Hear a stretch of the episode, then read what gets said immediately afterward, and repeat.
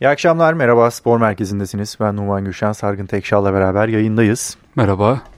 Sargın Dünya Kupası'nın sonuna geldik artık. Evet kaldı iki maç. İki maç. Hatta yarınki maçın anlamsız olduğunu değerlendirenler de var. Bu Evet, değerlendirenler direkt karşılaşmanın tarafları. Teknik direktörler. Ama ya o ayak kırıklığıyla niye üçüncülük maçı oynuyorlar gerçekten? Hiç Yani de- Avrupa'da yok biliyorsun. Avrupa Şampiyonası'nda öyle bir şey. Evet. Yani böyle futbolda altın madalya şey, yani bronz madalya olayı da yok. Böyle Yok. hani olimpiyatlardaki gibi. Aynen. Niye yapılıyor? Herhalde üçüncülük maçı işte. Üçüncü kim oldu diye tartışma olmasın yıllar sonra diye. Yani biraz zor oluyor tabii. Ya Benim aklıma kalan hiçbir üçüncülük maçı yok Türkiye'ninki dışında. Bir Türkiye'nin üçüncülük maçını izlemiştik herhalde oturup. Hani Türkiye diye. Onun dışında ben yani. hiçbir üçüncülük maçını izlemedim. Ya sen şimdi sorunca mesela 2018'i hatırlamıyorum ben maçı. Evet. Kim vardı? Hatırlamıyorum. Fransa, Hırvatistan final oynadı. Onlar kim eledi yarı finalde? Hiç soru işareti. Belçika oynamıştı ya. Belçika galiba Belçika. oldu. Doğru Belçika'ydı galiba ya. Yani oynasınlar. Fas üçüncü olsun bari en azından. Ya evet. Fas İlk yarı final oynayan Afrika takımı. Ya çok, Turnuvanın hep sürpriz takımı diye konuştuk konuştuk. çok büyük hayal kırıklığı var tabii onlarda. Yani bu momentumla finali onlar hedefliyordu. Evet. Ve aslında baktığında Fransa karşısında da öyle çok da fena bir oyun sergilemediler. Hatta daha da üstün bir oyun vardı. Ya Fransa cephesinden 5. baktığında. dakikada gol attığı için öyle oldu biraz tabii. Hı hı. Mansiyon ödülü olur işte artık Fas'a. Üçüncülük. Ama Hırvatistan da bayağı ciddi. Oyuncular hep şey diyor yani biz 98'de dünya üçüncüsü olduk. Evet. 2018'de ikinci olduk. Bu, bu podyumu bırakmak istemiyoruz gibi açıklamaları var. Yani Ya gerçekten Hırvatistan'ın da bu rakamları çok ilginç. İlk turnuvaları 98'de Dünya Kupası. evet. Yugoslavya dağıldıktan sonra katıldıkları ülke olarak. Ya kaç turnuva oldu? 98, 2002, 2006, 2006, 2010. galiba 6 ya 7 turnuvada 3 kere ilk ilk 3'e girmiş olacaklar. Evet. Ya Yani gerçekten çok, çok, küçük bir evet. ki bunu Daliş de söylüyor yani küçük bir ülke olmalarına rağmen futbolda çok başarılı olduklarını inkar edemeyiz. Evet, işte futbol ülkesi herhalde böyle oluyor. Böyle olunur. Ya sürekli bir, üçüncü jenerasyon bu. Ya bu arada üretim de var evet. Evet. Yani Ya sürekli de oyuncu o çıkıyor. nüfus konuşulur tabii de evet ya 4 milyon nüfusu var. Hı hı. Ya sürekli bu konuşuyor bazı insanlar sıkılıyor artık da. Ya 4 milyon nüfustan sürekli bir jenerasyon yaratıyorlar. Aynen. E şimdi de bu belki Modric'ler gittikten sonra bir 8 sene sonra yine göreceğiz böyle bir futbolcu topluluğu. E yine yani bu arada Var da şu Modric- kadroda. Modric yaşlı evet. Hani Perişic'in de yaşı var. Evet. Ama bakıyorsun işte işte Brozovic diye bir oyuncu çıkıyor mesela. Evet. E şimdi mesela Lovro Mayer var bu turnuvada yeni Evet, doğru. giriyor oyuna. Doğru. İşte ona yeni Modric diyor Hırvatlar. Belki Hı hı. o çıkacak. E bir Bir bakıyorsun turnuvada. kaleye Livakovic diye bir oyuncu bir Livakovic anda var. parlayı veriyor.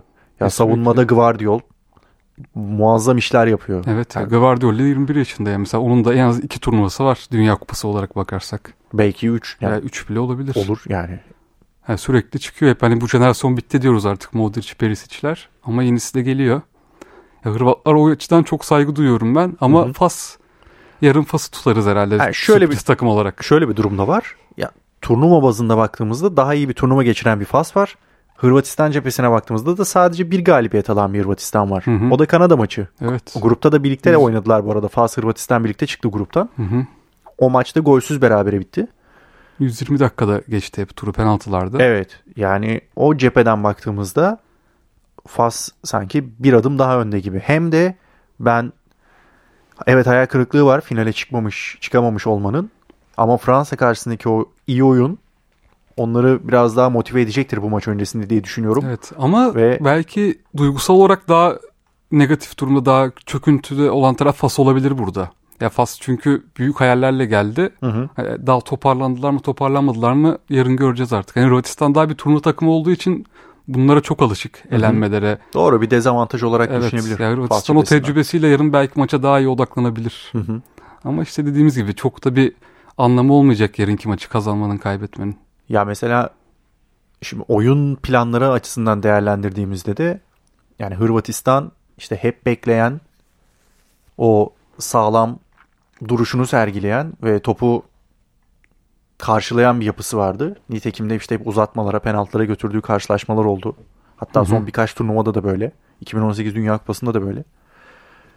Ama Arjantin mesela açık bulup orada rahat bir galibiyete ulaşmayı başardı Hırvatistan Evet. karşısında.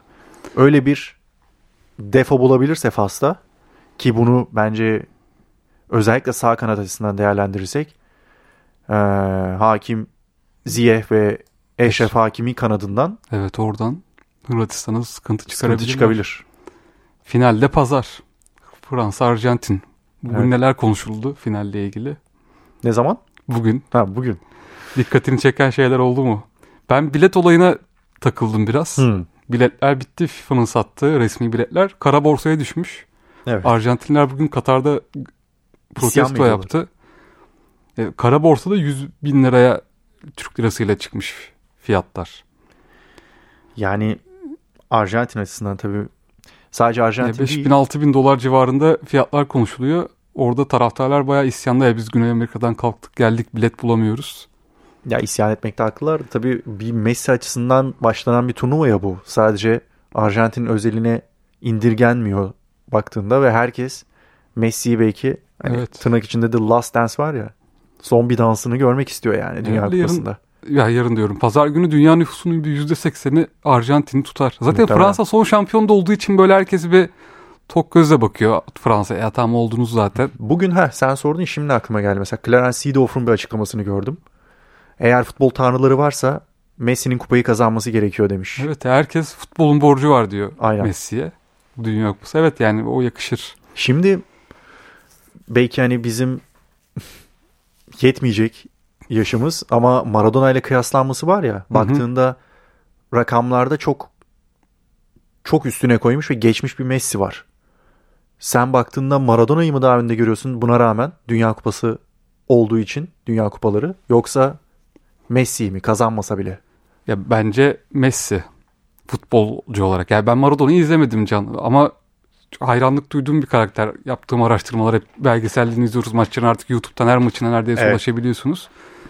Ya ama özellikle döne, Maradona dönemini yakından takip edenler de konuştuğumuzda hep şu ortaya çıkıyor. Yani Maradona'nın ya Messi ile karşılaştırılabilecek bir sürekliliği yok. Yani Messi 15 sene boyunca dünya futbolunu domine etti. Hı hı. 2000 2010'lar 2010'dan 2008 hatta neredeyse alabiliriz. Ya 14 senedir 15 senedir hep ilk üçte işte Ballon d'Or'ları görüyoruz. Kulüp takımları.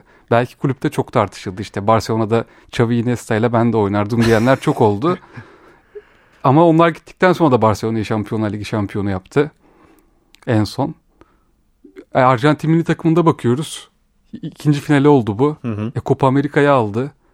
Arjantin'de Copa Amerika'yı her zaman almıyor. En son 90'larda almışlar. Yine Maradona'nın zamanı onu da aldı. Evet. E şimdi kupayı iki kere finale çıkarttı. Maradona da iki kere finale oynamıştı. Hem de Messi'nin olduğu takımlara bakalım. 2006'dan beri oynuyor. 2006'da genç Messi'ydi daha yedek kulübesinden giriyordu oyuna. 2010'da Arjantin'de böyle çok ka- karmaşık bir takım var. Böyle Carde Caballero vardı. Hı hı. Tevezler vardı ama bir takım ruhu yoktu. 2014'te finale çıkarttı tek başına neredeyse. 2018'de Fransa'ya elendiler yine Evet doğru. son 16 turunda. E burada da yine finale çıkardı ki bu turnuvada da herkes Arjantin'in kadrosunu yetersiz görüyordu. Yani Messi daha ne yapabilir en büyük olmak için ben bilmiyorum. Ya sana katılmakla birlikte şöyle bir tez var. Gerçi sen söyledin. Ya Messi de tek başına alıp takımı şu an finale kadar çıkardı. Hatta Hı hı. iki turnuvayı da değerlendirebiliriz. Belki dediğin gibi geçen seneki Latin Amerika şampiyonluğunu da değerlendirebiliriz. Ama diğer taraftan Maradona cephesini savunanlarda şöyle bir şey var. Mesela gitti Napoli'yi işte tek başına şampiyon yaptı gibi. İşte Arjantin'i zirveye çıkardı gibi bir tez var o tarafta da. Evet yani Maradona'yı savunanların genelde şöyle bir tezi var. Hani Maradona daha bir asi çocuktu. Hı hı. Öyle bir sempatisi de var insanlarda. Yani Messi'yi çok böyle donuk görüyorlar. İşte endüstriyel futbolun harikası. Ama işte Maradona öyle değildi. İşte hakem gider rakibe tekme atardı. Maça çıkmazdı. Yani öyle sevenler de var Maradona'yı. İsterse oyn- gider Dünya Kupası'nı alırdı. İsterse o maç sahalarda gözükmezdi. Öyle büyüklüğünü konuşanlar oluyor ama bence Messi evet, bir futbolcudan onu beklersiniz yani. Tamam Ya- Maradona bence de büyük efsane. Hı. İzleyemediğim için gerçi Messi ile çok karşılaştıramayacağım işte yine saha içinde. Aynen. Ama rakamlara baktığımızda, başarılara baktığımızda ya Messi'nin tekrarlanması çok güç. Ya şu an bakıyoruz futbola kim sürdürebilir bunu? En büyük adı Mbappe herhalde. Hı hı. E, Messi ile Ronaldo artık bıraktığında 200 sene sonra herhalde tamamen biter onların zirvedeki yeri. en büyük aday Mbappe olacak ama mesela Mbappe'nin de şu anda bakıyoruz yapması hiç 10 sene şöyle oynayabilecek mi Mbappe mesela bunu yapabilecek mi? Evet, ona bakacağız yani, çok tabii. zor. Bir de mesela biraz önce söylediğin gibi yani bu endüstriyel futbol ve biraz daha profesyonel yaşantıda Maradona ne kadar tutunurdu o da ayrı mesele. Yani karıştığı skandallar olsun Evet ya o Her dönemin türlü futbolu bir ve de yani o değişikti. dönem yani o dönemde yaptıklarını belki bu dönemde yapsaydı ve bu kadar ayyuka çıksaydı ve cezalar da bence peşi sıra gelirdi ya Maradona'ya. Ya futbol hayatı zaten her türlü sekteye uğrardı burada da. Bir de farklı dönemleri karşılaştırıyoruz. Mesela şimdi Maradona da Barcelona'ya gitti. Mesela ilk Avrupa'daki yeri Barcelona. Boca Juniors'tan dünyanın en pahalı futbolcusu olarak Barcelona'ya transfer oldu Napoli'den önce. Mesela Barcelona'daki ilk senesi bir hiç. Hiçbir şey yok. Hatta böyle kariyerine baktığınızda Maradona'nın Barcelona'daki tek görüntüsü o Atletik Bilbao ile maçtaki kavgası. Rakibe tekme, uçan tekmeler atıyor, tekme yiyor. Böyle bir boks maçı gibi bir görüntüsü var. Onun dışında Barcelona'da kupa kaldırmadı. Mesela ilk sene de öyle Napoli'ye gitti. Evet. E mesela Messi de Barcelona'daydı ve Messi olmadan Barcelona çok da iyi değildi yani. Hatırlayalım 2008'i, 2009'u ondan öncesini. Hep Real Madrid, e, hep her zaman olduğu gibi İspanyol futbolunda. Hı hı. Barcelona Messi ile birlikte 2010'lardan itibaren bir güç oldu. Evet. Yani Barcelona'yı da öyle alıp en güçlü takıma gitmemişti Messi. Oradan çıktı. Messi ile birlikte Barcelona'da Real Madrid'le çekişebilen bir takım oldu. Yani Yoksa sistem içinde evrildi gibi. e, Evet ya o yüzden Messi hatta yarı final maçından sonra Arjantinli bir televizyoncu muhabir Messi'ye dedi ki ya sorularını sordu sordu. Messi dedi benim sana artık bir notum var dedi soru sormayacağım kişisel yorumum. Sen dedi pazar günü kupayı alsan da almasan da bizim en büyüğümüzsün. Hı, o kadın muhabiri değil mi? Evet kadın gördüm onu. muhabiri Evet, evet. sordu. Yani bence katılıyorum ona yorumuna. E, yarı, pazar günkü kupa Messi'nin kariyerindeki kaçıncı maç olacak? 1003. veya 1002. maç olacak. Evet, öyle bir şey. Yani o 1003. maçtaki 90 dakika önceki 1090 dakikayı değiştirmeyecektir. Hı hı. Messi bugüne kadar yapacağını yaptı. Bu turnuvada bile işte biz Arjantin'in kadrosunu hep küçümsüyorduk aslında rakiplerine göre ama yine finale kaldı. Hem de Hollanda'yı eledi. e, Hırvatistan'ı eledi. Yani Arjantin'in bence bu turnuvada şöyle bir şey var. Ee, giderek yükselen ve ivmelenen bir oyun yapısı var. Yani Suudi Arabistan maçı bence bir yanıltmacaydı. Hem kendileri için hem dünya futbol severleri için. O maçı kaybetmiş olmaları bence onları biraz kendine getirdi. Daha sonrasında mesela Hollanda maçı örneğini verdin. Hollanda maçına üçlü savunmayla çıkması. Sonra bir sonraki maça dörtlü savunmayla çıkması ve orta sahayı biraz daha kalabalık tutması gibi ve bu maçlar geldikçe de o ideal 11'e biraz daha yaklaşan bir Scaloni vardı sanki. Evet. Yani ilk maça göre son maçın arasında çok dağlar kadar fark var mesela. Scaloni bence çok güzel bir pragmatist teknik direktörlük örneği verdi. Evet. Yani in- inatçı olmadı seçimlerinde. Mesela Aynen. ilk maçta baktığımızda yedek kulübesinde iki oyuncu vardı. Alvarez ve Enzo Martinez. En- Enzo Fernandez. Fernandez pardon. Enzo Fernandez. Bu iki oyuncu herhalde Arjantin şampiyon olursa pazar günü biz ekrana 3 tane oyuncu versek Arjantin'den Messi'nin yanına Fernandez'le Alvarez'i koyacağız. Mesela Aha. Scaloni ilk maçtaki hatasını gördü. Bu iki oyuncuyu 11'e yerleştirdi. Aynen. Yani orada çok teknik direktör böyle tercihlerinde inatçı olurlar böyle turnuvalarda. Hı hı. İşte mesela Euro 2020 Euro 2020'de Morata tercihi vardı İspanya'da. Hep böyle hatırlanır işte Almanya'da şimdi Hansi Flick Santfor oynatmadı. Mesela ama Scaloni buna ta- pek takılmadı. Baktı bir sorun var Suudi Arabistan maçında. Direkt 11'i değiştirdi. Bu arada tabii bence sadece Scaloni üzerinden yürümüyor işler ve ilk maç kaybedildikten sonra Enzo Fernandez'in takım için ne kadar önemli bir oyuncu olduğunu Messi de açıkladı bu arada. Hı hı. Hatırlıyor musun bilmiyorum. Evet. Söyledi ve ondan sonra Enzo Fernandez'in de 11'e geldiği bir Arjantin'e dönüştü. Ya yani orada hakim değiliz de Messi'den izinsiz ben Messi kadroda tabii. çok değişiklik yapılacağını ben düşünmüyorum şu Arjantin'de. ben Messi'nin belirlediğini düşünüyorum zaten. Evet. Yani Yani, sonuçta şu an pek bu bir bilgimiz yok diye söylemek istemedim şimdi Scaloni'ye de buradan itibarını zedelemeyelim ama bırakmayalım. ama yani çünkü Messi öyle bir ortamda ki şu an kaleci Martinez, Emiliano Martinez Messi için ölürüz diyor. Yani Ve- Messi için oynuyoruz demiyor. ya şunu dedi. Ya Messi bu takımın %99.9'unu oluşturuyor dedi. Evet. Yani %0.1 biziz dedi. Ve bu da zaten bence her şeyi ortaya koyuyor. Yani Messi'ni bunu olumlu anlamda söylüyorum bu arada. Bu zaten Messi'nin takımı. evet. Ya Ya bu turnuvaya gelirken de öyle türlü finale bakıldı. gelemezdi. Evet. Ya Messi'yi çıkar bu kadroda. Hatta şampiyon olsunlar. Şöyle bir birkaç sene geçsin ve dönüp baktığında belki tanımayacağın oyuncular olacak kadroda. Kesinlikle. Yani nitekim de var bu arada yani hala. Yani, Yani o yüzden- say- bir hafta sonra belki bir iki oyuncuyu zor sayarız yani. 11'den. Sayamazsın. O yüzden bu bir Messi takımı ve Messi'nin seçim yapmış olması veya yapıyor olması eğer yapıyorsa bana çok doğal geliyor ayrıca. Ama buradan Scaloni'ye bir tavsiyem var. Eğer Final dinliyorsa beni. Evet. Evet. Sol bekte Acuña'yı oynatmasın lütfen. Acuna Lütfen. niye bu kadar sevilmiyor? Lütfen Tagliafico oynasın. Ben sosyal medyada da Arjantin maçlarında açınca görüyorum. Şaşırıyorum. Yani bir sol bek sürekli rakip ceza sahasında topla buluşuyor. Yani bu Tamam da o, Deniyor o demek buluştuğu ki. top topu orada ezdikten sonra ne anlamı kalıyor? e, tam yerine oyn- oynayacak mesela Tagliafico var. Gayet iyi maç çıkardı son maçta. Bilmiyorum ben Acuna'yı yani harika takım kursam 11'imi almam ama yani elimde Arjantinli pasaportlu sol bekler olunca onu seçerim. Ben Tagliafico'yu seçerim. Ya Acuna mesela penaltıyı da aldırdı Hollanda Hollanda maçı mıydı? Hırvatistan mı? Hollanda maçında penaltıyı Hollanda aldırmıştı. Mesela yani pek de evet yani çok böyle gole çevirme oranı, asiste çevirme oranı yok ama hep deniyor hep oralarda. Hı hı. Bekin hep oralarda olması bence iyi bir şey. Bilmiyorum ben her türlü Tagliafico'yu seçerim. İkimiz de biz burada Arjantinliyiz ama yarın şey, pazar günü itibariyle ama kadro konusunda bir sıkıntı yaşıyoruz. Yani. Evet, ben peki- Tagliafico'yu seçerim yani. Fransa'ya gelelim. Evet. Fransa'yı konuşmadık hiç. Son Fransa'ya dünya şampiyonu. Ya Fransa'nın bence terse bir ivmelenme var ve oyun performansı anlamında biraz düşüş var Fransa'da. Açıkçası o başlangıçtaki o çok net favoriliğini kaybetti gibi geliyor bana. Gruplardaki performansından Hı hı. sonraki o eleme performanslarında. Evet. Ya nitekim Fas maçında tamamen belki bu bir oyun planı Fas'a bıraktı topu E, or 5. dakikada öne geçtikleri için orada Aha. biraz iş değişti. ama ikinci yarıdaki oyunu topu rakibe bıraktık diye bence açıklayamazsın. Evet. Fas'ın o baskılı oyununu. Ama Fransa ilk dünya şampiyon ya ilk derken 2018'deki dünya şampiyonluğunda da böyleydi. Yani hiç böyle Fransa işte makine gibi oynuyorlar.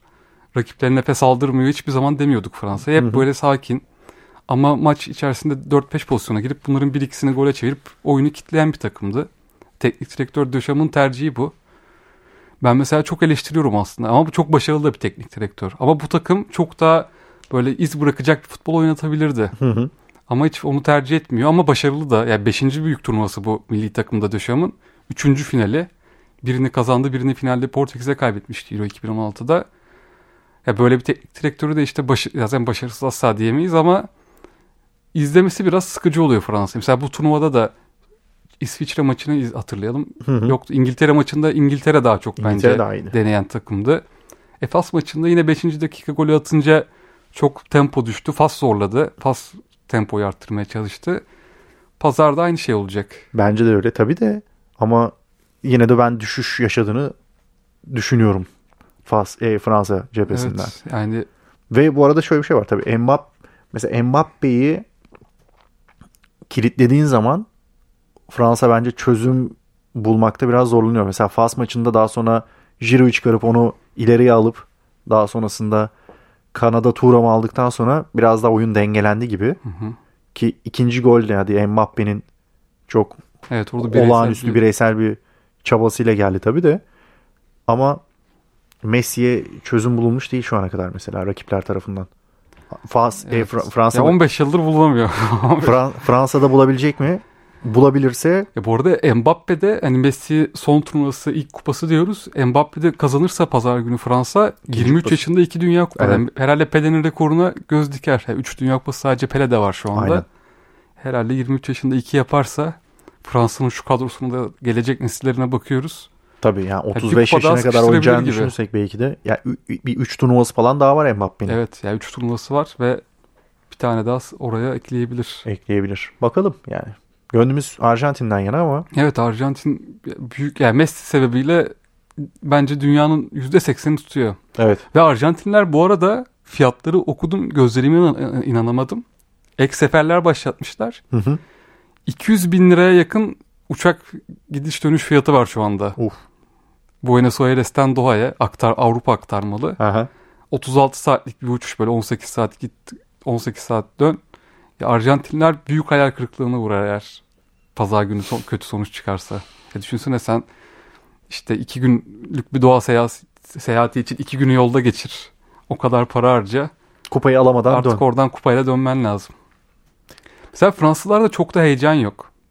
Ya Fransa'da zaten her zaman mesela Arjantin'deki futbola yaklaşım Fransa'da hiçbir zaman olmuyor. Hı hı. Ya Arjantin'de neredeyse din gibi bir şey futbol. Evet. Futbolculara yaklaşım da o işte Maradona'nın kilisesi var. Messi de belki Messi'nin adına bir kilise açabilirler yani buradaki şampiyonluktan sonra. Fransa'da hep futbol böyle ilk spor o kadar dünya şampiyonluklarına rağmen olmadı. Mesela o heyecan da yok ama işte sistemli yapılanmayla oyuncu fabrikası yani mesela Pogba yok, Benzema yok. Aynen. 20 tane 30 tane futbolcu çıkarabiliyorlar. Ya bu arada Benzema yok demişken Benzema'nın son maça gelme ihtimali var. Evet. Onu bir yani dış basın yazıyor. Yani oynayacak gibi değil. Ama Ya, yedek kulübesinde bile oturabilir şu an. Hakkı Çünkü- var bu arada. çünkü kadrodan çıkarılmadı. Onun yanında adam da Evet. almadı diye Deşam.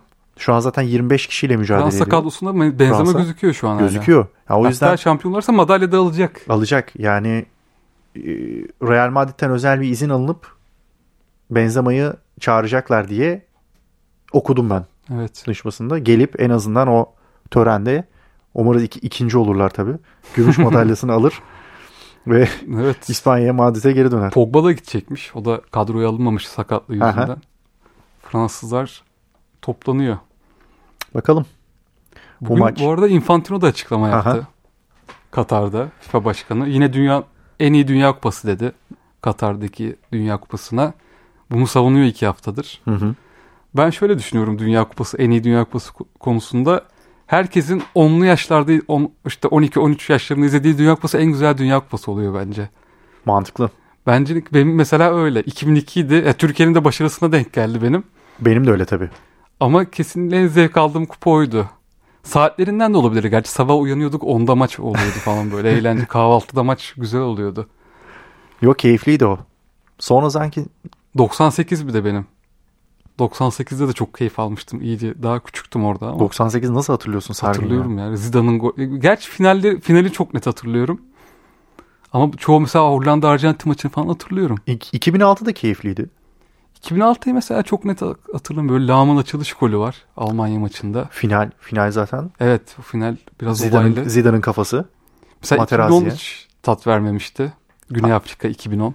Vuvuzelalar. Hmm. E yani evet. Bu güzel cephesinden değerlendirecek olursak 2014'te mesela şey güzeldi. Ben orada büyük keyif almıştım. Brezilya Almanya'da Brezilya'nın sahasında 7-1 7 kazanması. gol yemesi. ya her turnuvanın Eğlenceli hikayesi var olmuştu tabii. o maç. Her turnuvanın hikayesi var. Bu turnuvada bence Ya bu turnuvanın hikayesi mesela 10 sene sonra işte Messi kazanırsa Messi'yi söyleyeceğiz. Fas'ı söyleyeceğiz. fası söyleyeceğiz. Yani Şimdilik onlar gözüküyor belki mesela. hani futbolu yakından takip edenler savunma ağırlıklı geçen bir Dünya Kupası olarak değerlendirebilir. Ama Evet. yani X faktör olarak Fas kazanırsa da Messi'nin turnuvası olarak Değerlendirilecek. öyle olacak. Mesela başka hiç oldu mu? Erken vedalar ama onlar çok konuşulmaz yani. Almanya'nın grupta elenmesi 10 sene sonra hatırlanmaz. sanmıyorum. Yani Almanya zaten toparlayacak potansiyele sahip ülkeler bunlar. O Evet. yüzden yani bu turnuvayı böyle boş geçip diğer turnuvada bir anda finalde de görebilme ihtimalimiz çok yüksek olduğu için sadece bir not olarak belki haberlerde dipnot olarak Evet çok böyle aktarabiliriz onu. detayda kalır. Aynen. Bu arada Infantino bugün şunu da söyledi. 2026'da artık 48 dünya takım kesin. Evet. 48 takım katılacak. Evet. Bu 32 takımlı son izlediğimiz dünya kupası. Kanada Amerika Meksika olacak bu arada. Evet. Yani 48'e çıkacak. Artık biz de umarım 48'e çıkınca gideriz ya Türkiye olarak. Orada Yani şansımız biraz daha artıyor. Tabii kontenjan muhakkak artacak da Avrupa'dan gelecek takım sayısının artması ne kadar olacak acaba? Yine ya bence aynı orantıda olur. Yani şu anki takım kat yani yüzde 40'ı o işte 12 14'ün yüzde en az 14'ün 5-6'sı Avrupa'ya gelir. Avrupa'dan 5-6 takım daha fazla gidecek. Şimdi de 3 ev sahibi var. E, 3'ü de olacak. Evet. O biraz belki yine değiştirir. Ama onların hepsi de aynı yerden. Kuzey Amerika ve Orta Amerika'dan onların CONCACAF'tan. Yani 48 bence o da kötü olacak artık. Mesela bu Dünya Kupası'nda grup aşaması Muhtemelen şey olacak değil mi bu arada? En iyi üçüncüler falan da çıkacak ki Infantino bugün dedi ki gruplar ya üçer takım olacak ya dörder ona daha karar vermedik dedi. O daha belli değil ama 48 takım olacak kesin. Bir de bugün yeni bir turnuva icat etti Infantino. Yeni turnuva değil de bir geliştirilmiş bir FIFA Kulüpler Dünya Kupası. evet çünkü yani konfederasyon kupası olmuyor artık. Evet. Ya 32 takım Dünya Kupası formatında kulüpler oynayacak 4 senede bir. Ya mesela herhalde onu da açıklamadı daha detayları belli değil dedi. Neye Herhalde son yani? 4 Şampiyonlar Ligi şampiyonu 4 senede bir olacağını düşünürsek. Doğru olabilir. İşte Asya Copa Libertadores onlar Libertadores gelecek. şampiyonları. Ama bence artık bu iş biraz futbol severleri de sıkmaya başlayacak. Yani her yaz bir turnuva olacak. Hı hı. E, futbolcular da yani milli takımlarla Dünya Kupası oynuyorlar. Tamam buna motive oluyorlar. E, kulüpler de yapacaklar. Bu biraz şey olabilir mi ya? Ya değersizleştirecek artık kupaları bir yerden sonra sürekli böyle. İşte Uluslar Ligi vardı mesela. UEFA'nın icadı o da. Aynen. Yani biraz da belki hani bu turnuvaların sıklaştırılması E, Tek Av- sebebi Avrupa Süper Ligi çıkıyordu yani. e, o da olabilir. Onun Ama Avrupa belki- Süper Ligi'ni isteyenler için olumlu bir gelişme bu bence. Ya evet işte o Ya yüzden. kulüplerin çünkü isyanı vardı. Çok maç yapıyoruz. Biz bunu azaltmak istiyoruz biraz. E sen kulüplere şimdi nereden baksan katılacak kulüplere 7-8 maç daha yük bindiriyorsun. E Bakalım. bunun sebebi de bu arada 11 milyar dolar bekliyoruz dedi Infantino E yeni tabii işin projeden. özünde oraya geliyor. Evet. FIFA'nın her projesinde zaten Olduğu gibi. evet milyar dolar odaklı projeleriyle. Ya bilmiyorum belki zamanla alışırız ama 2025'ten itibaren başlayacak Kulüpler Dünya Kupası. Bakalım göreceğiz. Bugün de yeni gelişme bu. Böylelikle bu yeni gelişmeyle bitirelim o zaman spor merkezini. Hoşçakalın. Evet, hoşçakalın.